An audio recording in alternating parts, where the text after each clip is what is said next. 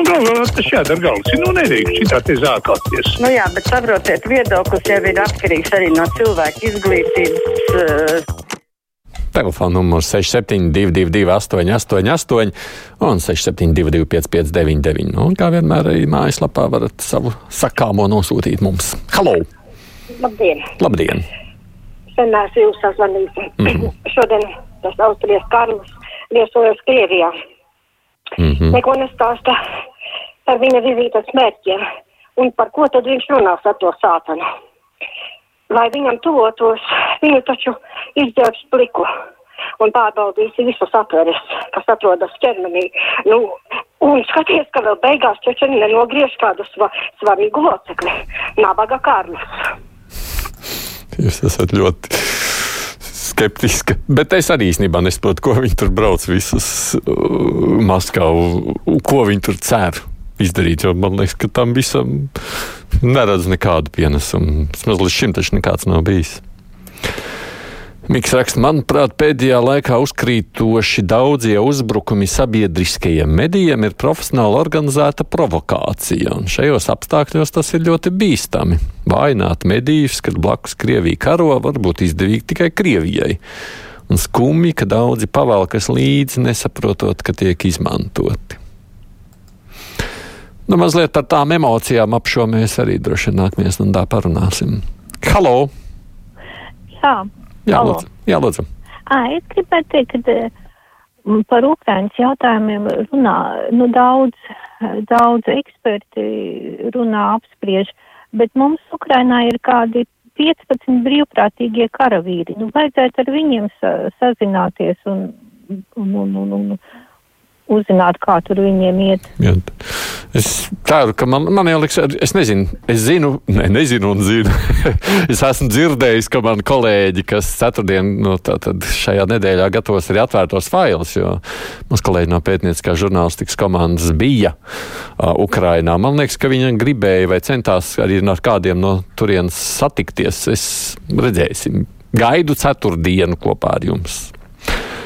Daudz drosmīgāk būtu, ja Stačs paziņot, ka 9. maija netiks svinēts nekādos apstākļos, jo Krievija Ukrainā nogalina cilvēkus un punkts, bez ierunām. Nevis laipot ar žogu un it kā remontu. Vita saka. No, tur jau droši vien papriekš saimai šis vārds būs jāsaka, un tad skatīsimies par pārējo. Halo! Halo, labdien! Labdien! Es arī vēl pa pieminieku. Jā. Es atceros, ka savā laikā es pat tika ziedojis desmit rubuļu par to pieminieku. Par to ziedošana pieminieku, notika mm. tā, man atvilka tos desmit rubuļus no algas, un tā tur notika visā mūsu iestādē. Mm -hmm. Un, un, un pēc tam gan bija jāparakstās uz kaut kādas lapas. Interesanti, cik vispār tika ziedots Rīgā, nu, pat uz to pieminieku celtniecību. Nu, jums tagad nav, nav, tagad nav žēl tos desmit rubļus. Tagad es dodu 20, lai viņi nojauc. Jā, pagaidām tikai aizrobežo, norobežo Diāna prasa pieminiekļa kompleksu uzvaras parkā atzīts par nedrošu, tad norobežots. Aidi domā, tiks nojaukts. Mm. Nezinu, 50 uz 50 droši vien redzēsim. Es domāju, tur ļoti noteiks tā emocionālā situācija, kāda būs pēc tam. Nu, man jau gribētos domāt, ņemot vērā pašreizējo emociju gaumu, jeb kā tā attīstās līkni, ka tiks nojaukts. Bet uh, es nu, tiešām es domāju, noteiks tā reālā situācija pēc kāda laika. Halo! Labdien! Labdien! Nu, pat atklājas, ka Eiropas Savienība Krievijai par energoresursiem maksā 35 reizes vairāk nekā sniedz Ukrainai militāro palīdzību. Kaut gan Ukraina tāpat kā pirms 800 gadiem sargāja Eiropu no ordas orka, orkiem. Ko- Kopš uh, Ba- Baidens ieviesa sankcijas pret ASV naftas un gāzes kompānijām. Naftas cena pieauga trīs reizes. Tā tad var teikt, var uzskatīt tā, ka Eiropa a- apmaksā Krievijas militāro rūpniecisko kompleksu kopā ar ASV. Nu, ir jau tā, ka beig beigās, kas tad esam? Mēs jau esam ar tiem, kas maksājam tos 35 miljardus, ko jūs pieminējāt, jau 35 reizes vairāk. Tā tas ir. Tā ir tā gaisma šobrīd, kas spīd studijas telpā, un tas ir jūsu siltums, kas uh, ir radiatoros atrodams. Ar to lūk, jūs arī maksājat par šo visu. Skumīgs, bet fakts. Labdien, vai nav laiks Latvijā un Baltijas valstīs sākt veidot tādu valsts drošības aizsardzību kā Izrēlā, kad visiem, kas bija izgājuši militāro apmācību, tur ieročus mājās, raksta Andrejs. Cik tālu tas aizvedīs, nezinu. Halo! Labdien! Labdien.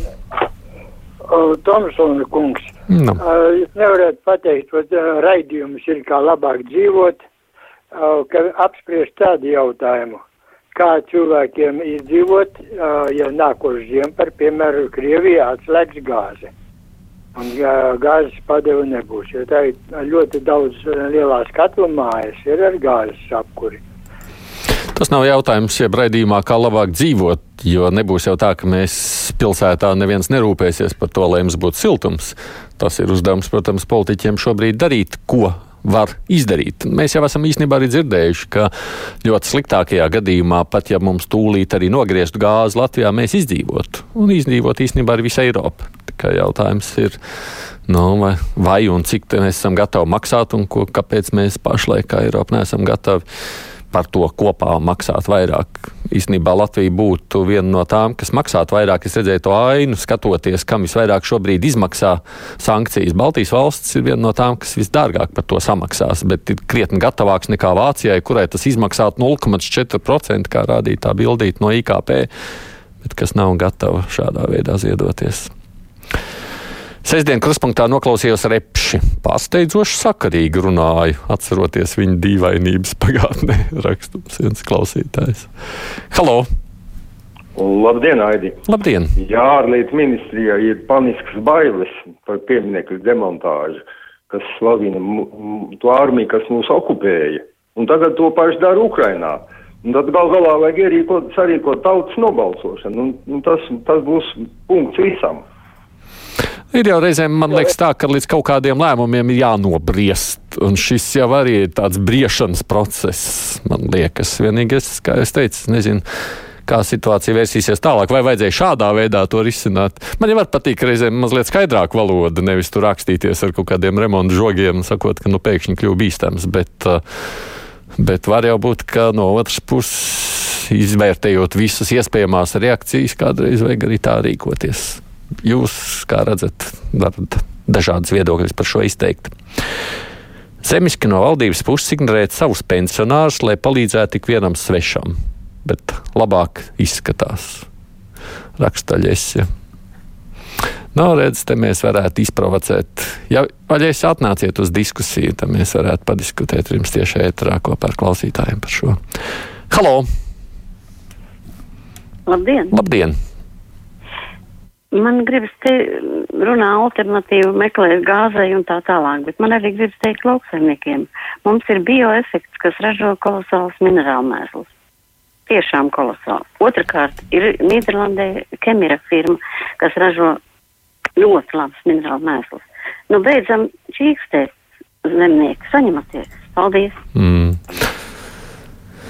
Var jau būt, ka es, man jūs sacītais un būtībā skatoties tās šad tad ziņas fragmentus par minerālu mēsliem, jau skaidrs, ka Baltkrievija un Krievija ir bijuši mil- milzīgi nozīmīgi spēlētāji šajā minerālu mēslu tirgu. Iespējams, ka mums šim tematam kāda atsevišķa uzmanība būtu jāpievērš kādā no raidījumiem.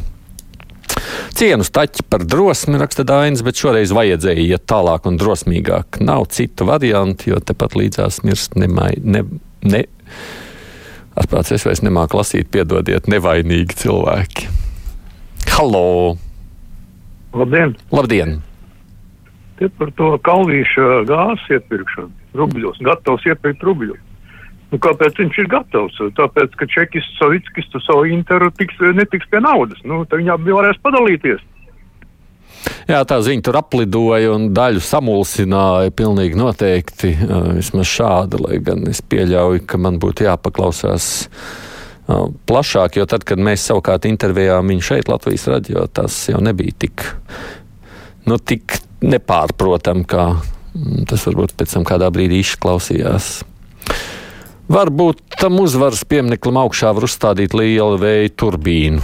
Būtu interesants apskats objekts rakstuldes. Halo! Halo! Jā, lūdzu! Labdien! Labdien! Es jau domāju, ka jūs tā neizdarīsiet, ka jūsu kolēģi Māra dara, ka nepatīk runa cilvēka, ir nospiež pogu, jūs to neesat darījuši un nedarīsiet. Tomēr cilvēku vajag uzklausīt. Es tagad par to karu Ukrainā. Es nesaprotu vairs. Ja tā Amerika nebāztu savu degunu tur, kur nevajaga, ja būtu sen beidzies tas karš, viss būtu mierīgi. Nu, proti, būtu, būtu... Bēgli, bēgli, nabagi skrien, skrien, nu, protams, viņi nav nabagi. Viņiem tas dot visu pavelti, avīzē lasīju, ir braukšana pavelti, ēšana pavelti, gulēšana pavelti. Cienījamā kundze, bet drīkst es, reize, drīkst es ar jums tad mazliet pajautāšu kaut ko. Bet sakiet, nu jūs tā kā gribētu, ka vienkārši Amerika nedot ieročus, tad Ukraina būtu okupēta un būtu miers, vai ne? Nē, nu kāpēc pats viņš neiet karot? Kas neiet karot? Nu, kāpēc eh, viņš pats neiet, tā, ņemu ieroci rokā un nevirsū Krievam? A, ko tad tu sēdi savā Amerikā? Nu, redziet, tā ir, kad ah. saklausās šos te. Jā. Visādus interesantos ziņu portālus, un tad spriež, kad izrādās, ka nevis Ukraiņa karo, bet tomēr jums šķiet, ka Baidens ir tas, kurš karo ar Krieviju šajā brīdī. Paldies Liniņam! Vakar raidījums par Francijas attieksmi pret PSRS Krieviju bija tieši laikā, saka Jānis, sakot, ka nu jā, tur īkšķis esot par Makronu. Halo! Labdien! Labdien! Es arī gribēju savu viedokli izteikt par situāciju. Viss rādās uz to, ka uh, investīcijas un uh, visi cilvēki ar naudu ir nolēmuši, ka vai zina, ka šis pasākums ir ilgstošs, jo ja tiek runāts par tādiem ilgtermiņa projektiem kā dažādiem gāzes termināliem un visu pārējo, kas aizņems gadus un divus. Kāpēc neviens nu, nespēja iedomāties, ja nu, teiksim, Ukraina uzvara un Krievija kapitulē, teiksim, pusgada laikā, vai tad ne, nu, viss nenormalizēsies. Bet, ja investori grib investēt tādas milzīgas summas, tas nozīmē, ka plāns ir skaidrs, ka tas būs ļoti ilgtermiņa pasākums. Taisnība, tas ir ilgtermiņa pasākums, jo jautājums nav tik vienkārši, kā būtu. Kā jūs sakāt, viss kaput un Krievija ir tik mīlīga un laimīga vara šeit, ka mēs esam priecīgi ar viņiem atkal draudzēties. Tā jau, diemžēl, nenotiek vai tiem, kas ieguldīja pārdaugavas pirkstā desmit krievu rubļus, nevarētu dažus ķieģeļus no brūkošā pieminekļa izsniegt. Edgaram noderētu, laikam, mājas saimniecībā. Labi, paldies visiem, kas rakstījāt, zvanījāt, izteicāties ar saviem viedokļiem. Priekšā mums ir ziņas, nu, un pēc tam studijā pirmdienas lielā intervijā.